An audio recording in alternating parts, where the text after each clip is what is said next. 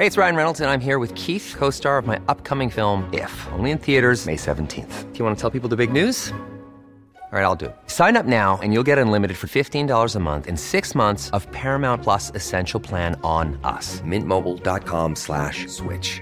Upfront payment of $45 equivalent to $15 per month. Unlimited over 40 gigabytes per month. Face lower speeds. Videos at 480p. Active Mint customers by 531.24 get six months of Paramount Plus Essential Plan. Auto renews after six months. Offer ends May 31st, 2024. Separate Paramount Plus registration required. Terms and conditions apply if rated PG. I'm Sandra, and I'm just the professional your small business was looking for. But you didn't hire me because you didn't use LinkedIn jobs. LinkedIn has professionals you can't find anywhere else, including those who aren't actively looking for a new job but might be open to the perfect role, like me. In a given month, over 70% of LinkedIn users don't visit other leading job sites. So if you're not looking on LinkedIn, you'll miss out on great candidates like Sandra. Start hiring professionals like a professional. Post your free job on linkedin.com/people today.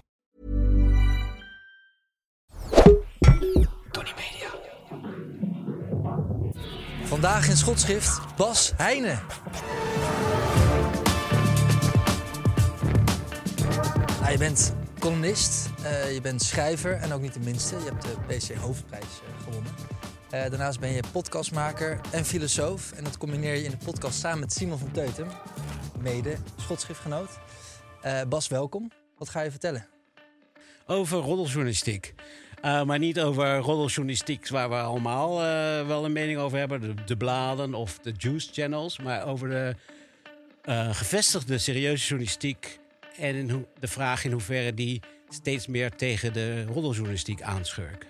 En waarom is dat juist nu relevant? Nou, je ziet dat steeds meer verhalen gaan over personen.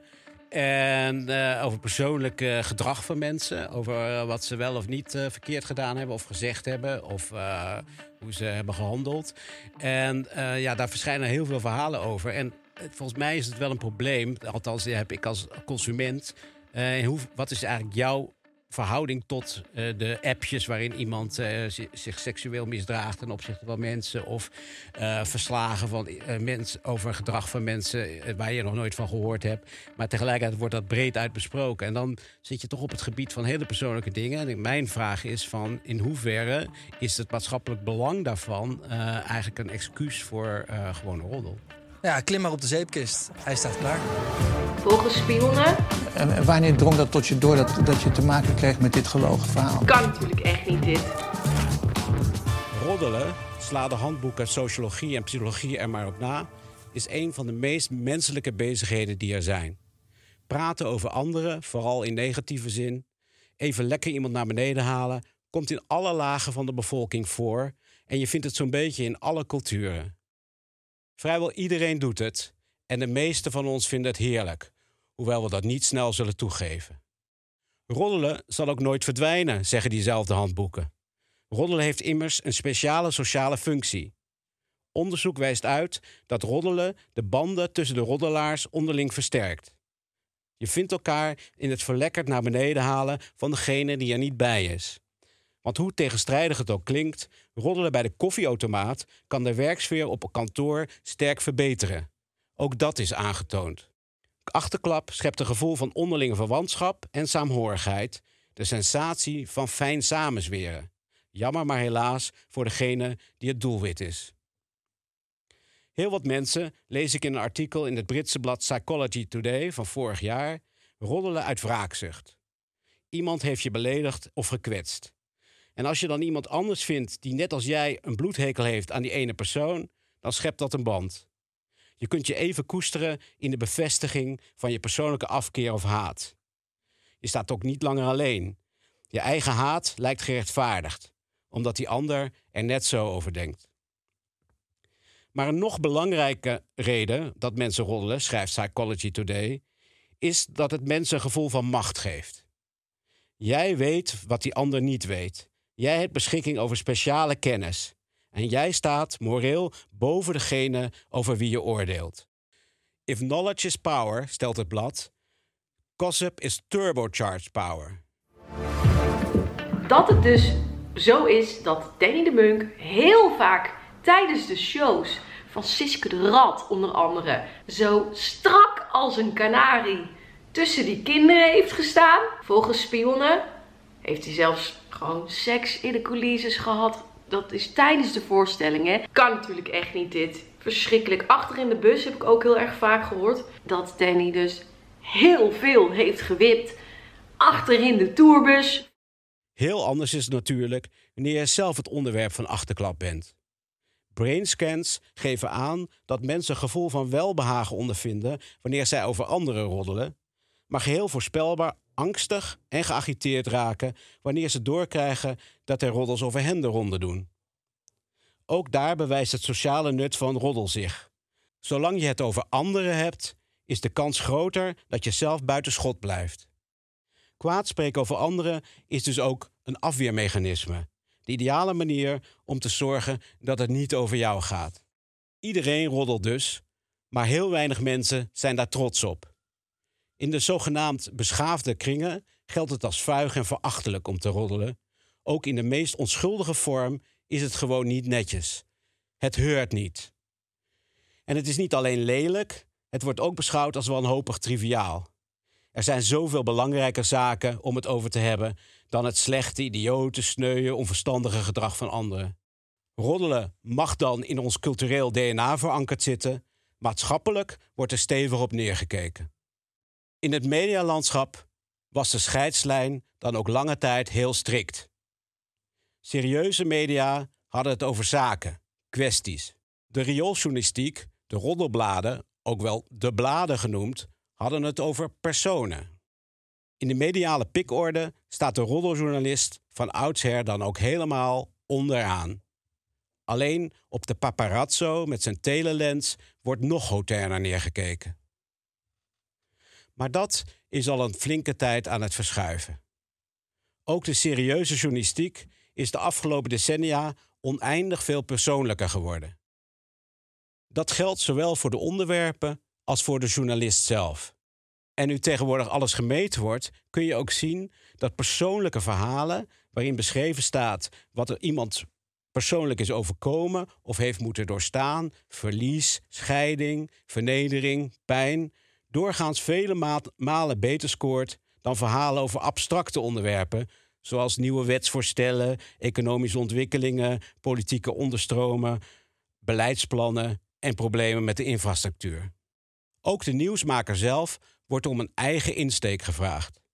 Omdat objectiviteit sowieso een illusie is, wordt persoonlijke inbreng in de media aangemoedigd. En ook dat vind je terug in de cijfers. Journalisten en mediamensen die met een persoonlijk verhaal komen of met hun persoonlijkheid als het ware in hun eigen verhaal staan, scoren stevast hoog. Ze zijn dan een merk geworden.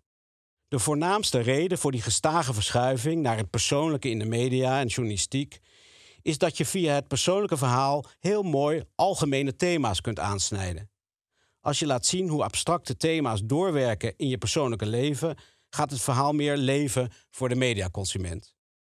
Wat ik heb meegemaakt staat niet op zichzelf. Het vertelt ook iets over ons. Over de maatschappij waarin we leven. Over de hete hangijzers van onze tijd.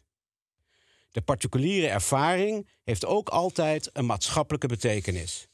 Om de leus van de feministen uit de jaren 70 aan te halen: het persoonlijke is politiek. Maar als het persoonlijke politiek is, loop je al snel het gevaar dat al het politieke louter persoonlijk wordt.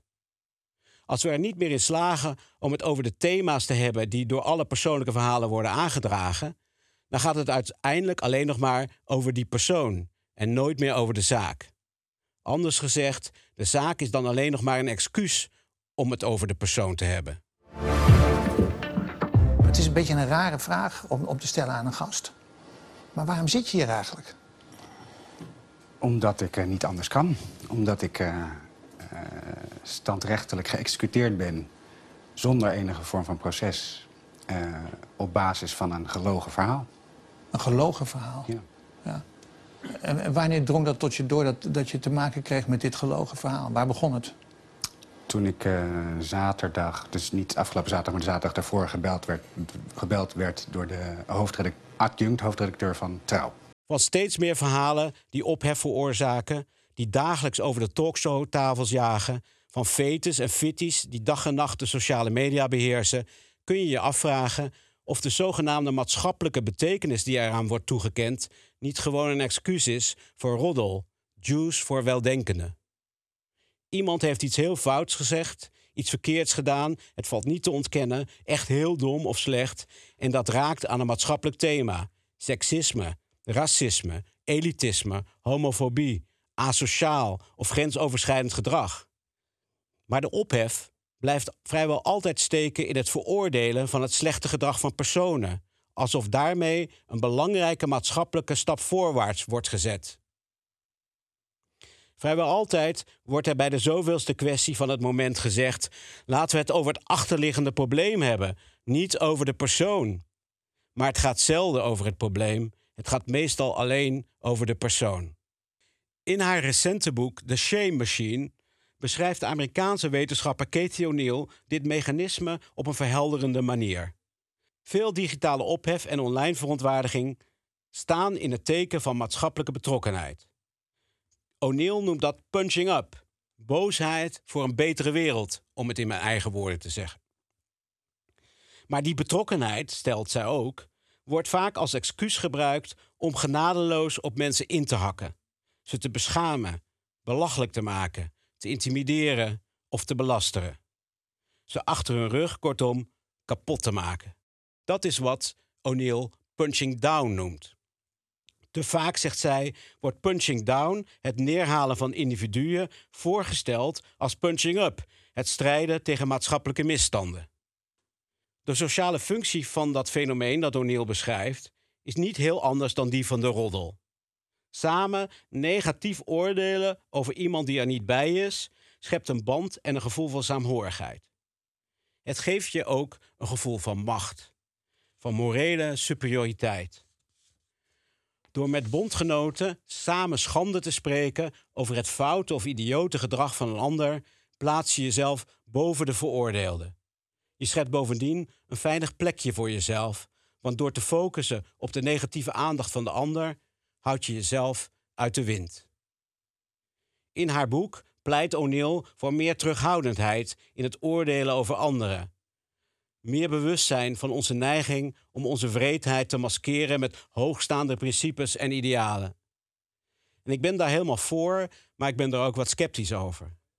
In een samenleving waarin alles persoonlijk is geworden, wordt het allemaal moeilijker om het over de zaak te hebben en niet over de persoon, omdat de persoon nu eenmaal voor de zaak is komen te staan.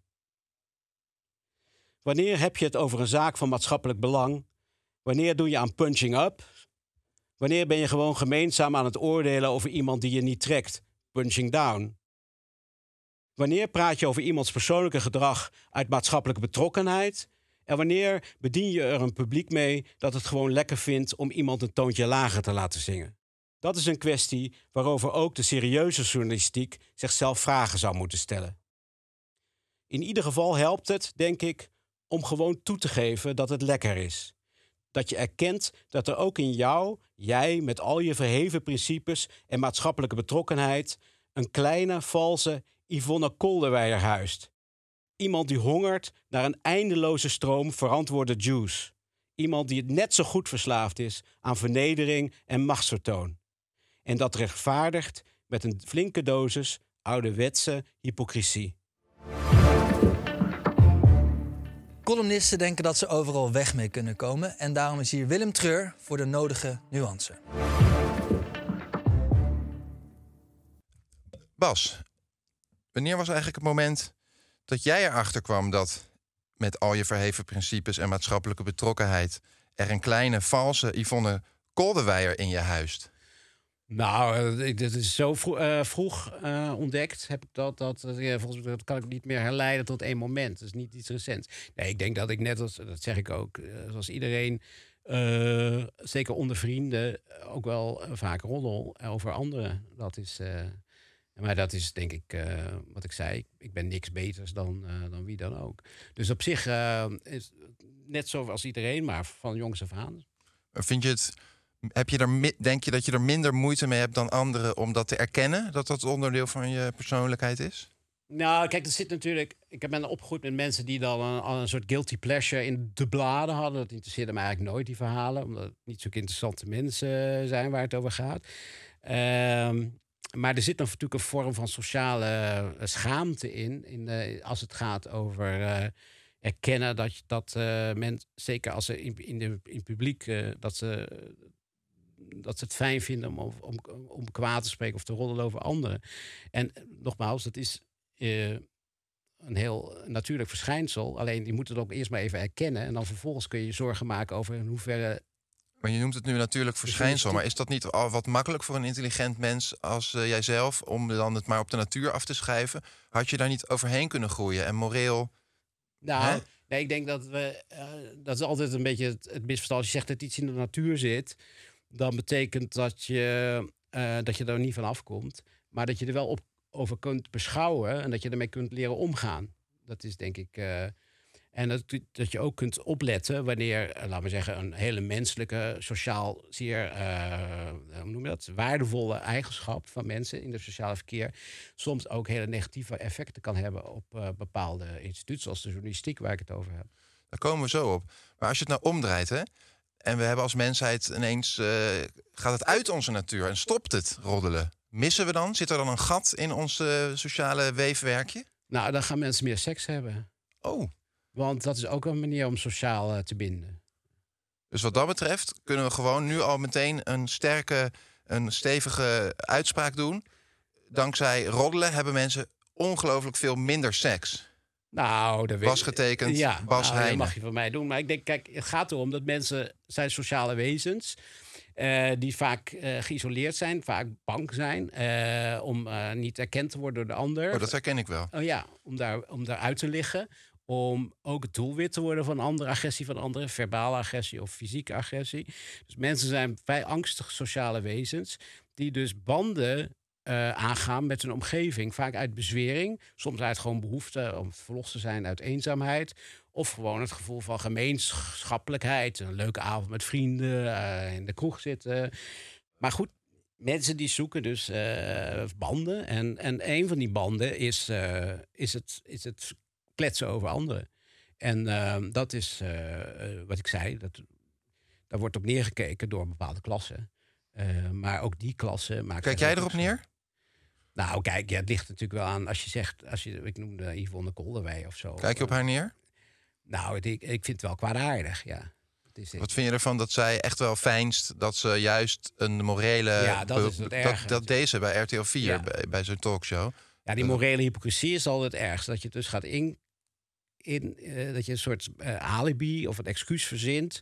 Zij Eh, vond maar goed, BN'ers dat- komen te weg met eh, vreemd gaan. En Ja, eh, ja, eh, ja, ja, er mogen zij specifiek, BN'ers mogen daar niet mee wegkomen. Ja, het is gewoon een soort eh, pitfight. Het is de haan, het hanengevecht. En dat, eh, eh, en het moeras. Maar goed, als je als een vark in een modder gaat, eh, gaat wentelen...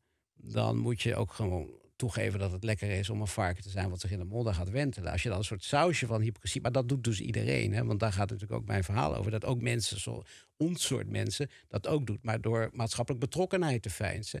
En eh, dat doet in wezen zo'n Yvonne Kolderweijer ook. En da- dat, geeft, dat geeft ook wel aan dat mensen zich er toch voor geneert. En als we nog eens even naar die media gaan kijken. Heb jij dan, eh, want dat kon ik niet helemaal eigenlijk eh, lezen in jouw column. Heb je ideeën over hoe dat ontstaan is? Dat de media meer op de persoon en dus roddelachtiger te werk gaat. Ook zogenaamde serieuze media. Ja, nou daar heb ik wel een idee over, maar dat was een heel essay geworden. Dan past het niet in de column. Maar je kan toch maar even snel wat de journalistiek doet eigenlijk niks anders dan een soort... eh, is een weerspiegeling van wat er in de maatschappij gebeurt. maatschappij is sterk pers- verpersoonlijkt. Eh, vroeger eh, was, er, zeg maar, was een- iemand was minister en dat ministerschap dat gaf hem een soort haar of hem een soort gezag.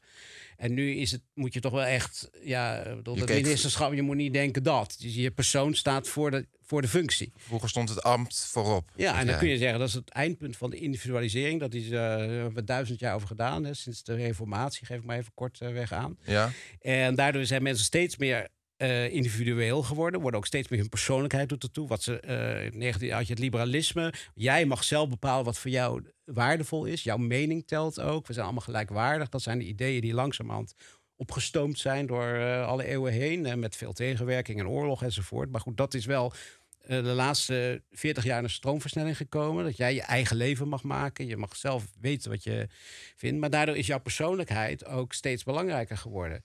En daarbij heb je natuurlijk ook de politieke component, eh, of politiek-filosofische component van de intersectionaliteit. Het idee dat jouw lichaam, zoals het dan heet, ook een politiek statement is. Dus wie jij bent. Jij We gaan nu bent- wel heel breed, bent- Bas. Ik verlies bijna het overzicht. ja, eh. maar dat, ik laat even zien dat het dus allemaal samenhangt. Dat eh, jouw persoon is, ehm, is ook een publiek statement geworden. Ja, en de dus commercie als je als dan? een minderheid behoort of, of een meerderheid, zoals jij, dan, ehm, dan eh, ben je ook een, ben je ook een ben je ook politiek. En dat is natuurlijk wat ik zei. Het feminisme zei van ja, nee, hoe jij leeft, waar je vandaan komt, in welke wijk je woont, wat je afkomt is, welke seksen je hebt, of welke geaardheid je hebt, of welke kleur je hebt, is ook heel bepalend van hoe de samenleving met jou omgaat. Dus in die zin is het persoonlijke politiek. Nou, dat betekent dus dat jouw persoonlijkheid ook echt eh, eh, centraal komt te staan. Al die ontwikkeling die ik net schets, die, dus het, de persoon wordt steeds belangrijker. En het instituut wat die persoon dient, jouw baan of jouw. eh, Maar als ik het nou versimpel, komt dat uit welvaart? Je hebt nu gewoon tijd in je leven om, om bezig te zijn met een leuke persoon zijn... in plaats van veel Nou, deels meer... is het nu welvaart, maar het is natuurlijk gewoon een, emanci- een gigantische em- emancipatie. eh, gewoon op zich van het e- individu. Hm. Dus eh, vroeger in de middeleeuwen deed het helemaal niet toe wat jij vond. Maar komt het alleen maar vanuit die richting? Zit er niet ook een component in vanuit de commercie? Het wordt, de Tuurlijk. media heeft een snellere omloopsnelheid. Dus eh, je wilt scoren met steeds snellere dingen die zo. sterkere reacties oproepen. Ja, dramatiseert. En, en persoonlijk, ik geef wel eens een voorbeeld. eh, bij NRC was er een keer een, een, een artikel over mindfulness... dat ontzettend goed gelezen werd. Eh, dagenlang stond het bovenaan de meest gelezen stukken. En dat had de kop, ga toch weg met je mindfulness. Dat was ook een soort dramatisch gebaar. Als je zegt mindfulness voor of tegen... Daarboven, Mhm. dan wordt het natuurlijk veel minder gelezen. Dus je ziet ook journalistiek meegaan in een soort dramatisering... maar ook in een, soort verpersoonlijkisering. Dus het gaat heel vaak over mensen. En is het niet soms ook gewoon leuker? Want ik vind dat dit voorbeeld Ja. van jou vind ik een leuke titel. Daar hou ik wel van. Ja, Ja. Juist als het stuk Tuurlijk, genuanceerd is, vind ik eigenlijk vaak wel Ja, leuk als je even. Tuurlijk, maar het heeft ook geen zin om te zeggen van... nou, zou niet... eh, Zullen we eens even extreem genuanceerd naar mindfulness gaan kijken? Dat zou ik een slechte kop ja. vinden van een Maar je artikel. ziet natuurlijk dat hele... Dat idee dat jij het voor het zeggen hebt... ga weg met je mindfulness. En eh, swipen op Tinder, dat idee van weg ermee... ben ik klaar mee. Ehm, dat is heel erg eh, de moderne consument... die zijn duim omhoog of zijn duim omlaag steekt. Prima, het is me allemaal heel erg duidelijk. Op een gegeven moment zeg je in je column... Aangezien alles nu gemeten wordt, kun je zien dat persoonlijke verhalen... waarin beschreven staat wat iemand persoonlijk is overkomen... of heeft moeten doorstaan, verlies, scheiding, vernedering, voorbeelden... doorgaans vele malen beter scoort dan verhalen over abstracte onderwerpen... zoals nieuwe wetsvoorstellen, economische ontwikkelingen... politieke onderstromen, saaie dingen, beleidsplannen... en hele saaie infrastructuur. Bedoel je daar dan mee te zeggen dat mensen veel grager iets leuks, sensationeels lezen... dan dat ze de hele dag bezig zijn met ongelooflijke, saaie, droge kost? Eh, dat is sowieso waar, denk ik. Eh, maar, Maar is dat zo'n diep inzicht van je? Eh, is nou, dat een die- open deur van, van Nou, astronomische zoals jij het proporties? beschrijft is een open deur. Maar als je dan even nadenkt, dan komt het diepe inzicht naar boven. Is dat het ene gaat alleen maar over persoonlijke dingen. En het andere gaat dus over abstracte dingen die dus ver je afstaan. Nou is het wel een probleem dat als je alles in een persoonlijke eh, eh, eh, noem het, sfeer trekt, dus dat alleen over mensen gaat, je eigenlijk, en dat is ook het strekking van mijn betoog, het heel moeilijk wordt om het nog echt over zaken te gaan die zich niet laten vertalen, die jij dus saai vindt. Dat is eigenlijk, jij bent ook wel een goed voorbeeld van wat ik beweer. Dat mensen dan afhaken en eigenlijk niet meer in staat zijn om het. en dat kun je bijvoorbeeld zeggen in de over de oorlog van Oekraïne. Is aan de ene kant is het natuurlijk fantastisch dat juist door de beelden van soldaten die mensen, oude dametjes redden, met poes uit huizen redden, uit stuk geschoten huizen, is ontzettend persoonlijk natuurlijk. Want de Russische soldaat heeft geen gezicht. Die, Mhm. die zie je hoogstens in witte zakken worden afgevoerd. Maar die is een soort totale anonimiteit. En het wordt ook door, door de Russen helemaal niet als, als een persoon gebracht, maar als een soort eh, anonieme kracht.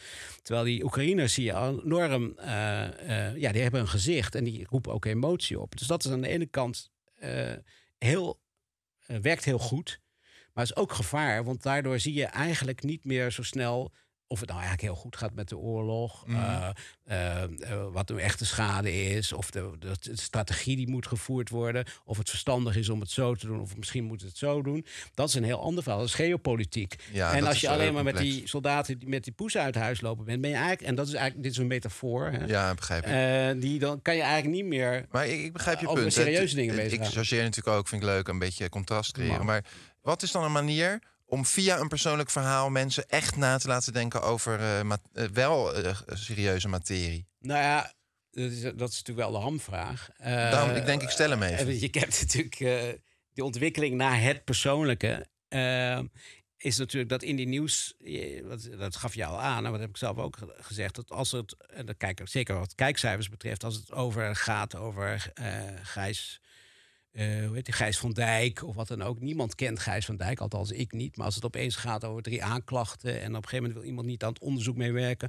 Dus dan zit je echt in een soort, dan zit je toch best wel te roddelen over iemand wat die eigenlijk daarvoor helemaal niet kende. Maar je maakt je er wel druk over. En dat is, dan, dat is volgens mij een heel basaal principe. Mensen slaan heel erg aan op herkenbaarheid. En tegenwoordig hebben mensen wel een beetje de neiging om. eh, kijk, iedereen mag overal iets van vinden. Maar door die verpersoonlijking hebben mensen ook steeds meer het gevoel dat ze overal iets over te zeggen hebben. Dus als iemand anders waar je nog nooit van gehoord hebt, eens in het nieuws komt met wangedrag, dan ga jij dus eh, daar een oordeel over voeren. Maar die, het is net of diegene dan ook verantwoording, van, verantwoording aan jou moet afleggen. Dat is wel een rare ontwikkeling. Hoe je daar uitkomt, dat is jouw vraag, waar ik met een enorme boog omheen loop. Hmm. Eh, dan is het eh, dat is nog niet zo makkelijk. Want je kan, kijk, er wordt Dat is ook een hele grote vraag. Maar je, zou- je zou het ook, want dit gaat dan over ophef. Maar ik, als ik naar jouw voorbeelden kijk, dus gewoon beleidsplannen, infrastructuur. Ja. Wat Nou ja, eigenlijk heel veel tijd- impact heeft op het leven van Ja. mensen. Bijvoorbeeld, je bent forens, infrastructuur heeft veel impact op je. Maar mensen hebben er niet veel interesse in. nee. Maar stel nou Zouden ze dat moeten hebben? Ja, dat of zegt is het, iedereen. is, het, is het iets van, joh, dat is ook een beleidskwestie. Daar, dat kun je wel een beetje uitbesteden. Wel, maar er zijn natuurlijk heel veel eh, dingen al, eh, discussies die. Kijk, neem de talkshows. Hè, daar, daar is heel veel over gezegd. Dat het allemaal de gasten zijn die uit de Holodex eh, genomen worden. Die eigenlijk helemaal geen expert zijn, zoals mensen als ik. die dan, dan aanschuiven. Ehm, nou, daar wordt heel veel over geklaagd. En dat het eigenlijk een beetje heet het, fluffy wordt is. En dat het nooit diep gaat. En niet echt. Het, zijn altijd, het scheert altijd langs de waan van de dag. Maar het komt nooit dieper. Nou, iedereen, heel veel mensen delen die kritiek. Maar in Hilversum weten ze wel, als ze dan echt serieuze programma's zouden maken met serieuze onderwerpen, dan halveren de kijkcijfers gewoon. Dus dat, dat is precies wat jij ook zegt. Maar is daar een middenweg? Ik nou ja, ik denk dat je wel over heel. Kijk, ik heb altijd een beetje een. een eh, een, een fitty of een langlopende fitty met de correspondent. Want die hebben als slogan voorbij de waan van de dag. Eh, en dan hebben ze, dat is een beetje dat snuffige. Zo van aan de ene kant eh, heb je die mensen die zich druk maken elke dag over een nieuw ophef. En aan de andere kant zijn wij er die dan een echt eh, hele onderwerpen aansnijden waar mensen zich niet mee bezighouden. Nou, dat creëert een, een bepaald publiek. Ik zeg altijd tegen hen, mensen die ik daar ken, van ja, maar de waan van de dag gaat altijd terug op een wezenlijke kwestie. Als een Zwarte Piet discussie gaat altijd terug op hele wezenlijke kwestie in de maatschappij. Maar daar moet je het dan wel over hebben en met mensen over praten die dat dan ook kunnen aangeven. Dat het eigenlijk niet alleen gaat over eh, mensen die worden uitgescholden bij demonstraties of eh, ik vind dat. het ook altijd een beetje een slappe slogan. Waarom zeg je niet de waan van de de- dag betekenisvol gemaakt? Wat jij zegt klopt natuurlijk helemaal. De waan van de dag biedt altijd een opening naar een serieus onderwerp. Dus in die, dat is ook natuurlijk wel de reden waarom bepaalde verhalen verteld worden, is omdat ze toch wel degelijk een resonantie hebben. Neem bijvoorbeeld het verhaal van Siewert van Linden. Eh, dat is, eh, kijk, dat is een schokkend iets. Want dat is iemand die heeft een misbruik gemaakt van een soort vertrouwen. Die heeft zich als weldoende voorgesteld en is een keiharde zakenman. Typisch modern probleem. Mensen die zich als weldoende voordoen en ondertussen keiharde zakenmensen, zakenmensen zijn. Dat is dus. Hij heeft ook een vorm van verraad gepleegd, eigenlijk gelogen, de boel bedrogen. Dus dat is echt wel een maatschappelijke kwestie. Juist omdat het in een enorme crisis plaatsvond, waar mensen echt het gevoel hadden van alle hens aan dek en nu moeten we helpen. En daar heeft hij schaamteloos, narcistisch gebruik van gemaakt. Nou, dat is pijnlijk. En ik, ik kan ook zeggen, nou, eh, eerst lijkt hij ermee weg te komen. Nou, langzamerhand wordt justitie wakker. Dus, dat, nou, dus die druk, die op, ophef heeft wel toegeleid dat er nu ook werk van gemaakt wordt. Maar het is natuurlijk, en dat, ik bedoel het ook eh, niet moralistisch, want ik heb het bij mezelf ook. Als je dan gaat, eh dik gaat tweeten als de auto van eh Siewert van Linden in beslag wordt genomen, enzovoort, enzovoort. Ja, dan begeef je toch op een ander terrein. Dan heb je het niet meer over. Heb, je je daar een beetje bij verkneukeld? Nou, dat is wat ik probeer te beschrijven. Dat dat een natuurlijk instinct is dat je dat natuurlijk Ja, maar je verschuilt je nu achter allemaal natuurlijke instincten. Daar heb ik geen trek in. Neem toch eens rekenschap. Eh, Geef nou eens toe dat het heerlijk is om te zien Ik dat zit die de hele tijd weer. Ik geef toe dat ik een varken ben en dan is het nog niet goed. Touché. Ehm, Prachtig. Dus het gaat erom dat je dat erkent. En kijk, dat is precies wat jij in het begin zei. Dat zit in je natuur. Maar je, kunt ook, je natuur is niet een gegeven wat je blindelings moet volgen. Want je hebt ook de ratio. En je kunt ook reflecteren op wat in je natuur is. En je kunt ook zeggen van... Ja, maar nu laat ik me te veel gaan. Of nu dwijlt het zo af van waar het over gaat. Namelijk misbruik van gelden in het algemeen. Hè. Dus dit is één voorbeeld. Er zijn natuurlijk veel meer dingen gebeurd. Als we ons alleen maar focussen op dat ene verhaal van die ene persoon. komt dat hele plaatje van wat er nou eigenlijk gebeurd is tijdens die eh, eerste lockdowns. begin van de coronacrisis. Dat krijg je dan niet. En het is ook nog wel zo dat als iedereen zich fixeert op die auto van Siewert van Linden. die uh, race over sportauto of die hele dure auto. dan eh, als er op een gegeven moment een echt onderzoek wordt gedaan over. laten we zeggen, allemaal geld wat over de bank. Dat is dan te abstract. Dit is een uitzonderlijk verhaal. Maar als fenomeen, als je ziet waar het over gaat, kan je ook wel iets zeggen over hoe wij, in, hoe wij, eh, hoe wij zijn en hoe wij kijken naar onze samenleving, wat we verwachten, wat we mooi vinden. Dus in die zin zou er een heel goed boek over Siewert van Linden geschreven kunnen worden als cultureel fenomeen. Uh, je hebt natuurlijk een boek gehad wat ging over, de, op, op, over de, hoe het allemaal hoe die het gedaan heeft. Nou, het is noodzakelijke journalistiek. Maar hij is natuurlijk ook een soort, juist omdat hij zoveel losmaakt en zo, uh, ja, zo, zo in het brandpunt staat van een bepaalde tijd, kan je hem ook als cultureel fenomeen beschouwen. Maar dan betekent nog, nogmaals dat je hem dat persoonlijke waar ik het steeds over heb, dat je dat toch wel wat bredere context geeft dan alleen maar uh, uh, je verkneukelt als de auto in beslag genomen wordt. Ik heb niet vaak uh, gehad dat binnen een kort gesprek mij zoveel duidelijk is geworden over het leven en de maatschappij als nu, Bas. Komt het goed? Nou, ik denk, ik geloof wel in zelfcorrectie. Dus we, zijn, ja. we zijn nu, want we zijn zo genuanceerd. Ik denk even nog zwart-wit maken. Dus het komt goed. Nee, het, het komt nooit goed, maar er zijn lichtpuntjes. Dat vind ik een heerlijke, uh, een heerlijke slotzin. Er zijn lichtpuntjes. Dank Bas voor de column. Dank Willem voor de schoten en de nuance. Voordat we eruit gaan, nog één keer alles samengevat in de treffende tweet. De treffende tweet. Ook in jou, jij met al je verheven principes en maatschappelijke betrokkenheid, huist een kleine, valse Yvonne Kolderweijer die net zo goed kikt op machtsvertoon en vernedering, maar die dat rechtvaardigt met een flinke dosis ouderwetse hypocrisie. Dat was hem. Volgende week, zelfde zender, zelfde tijd.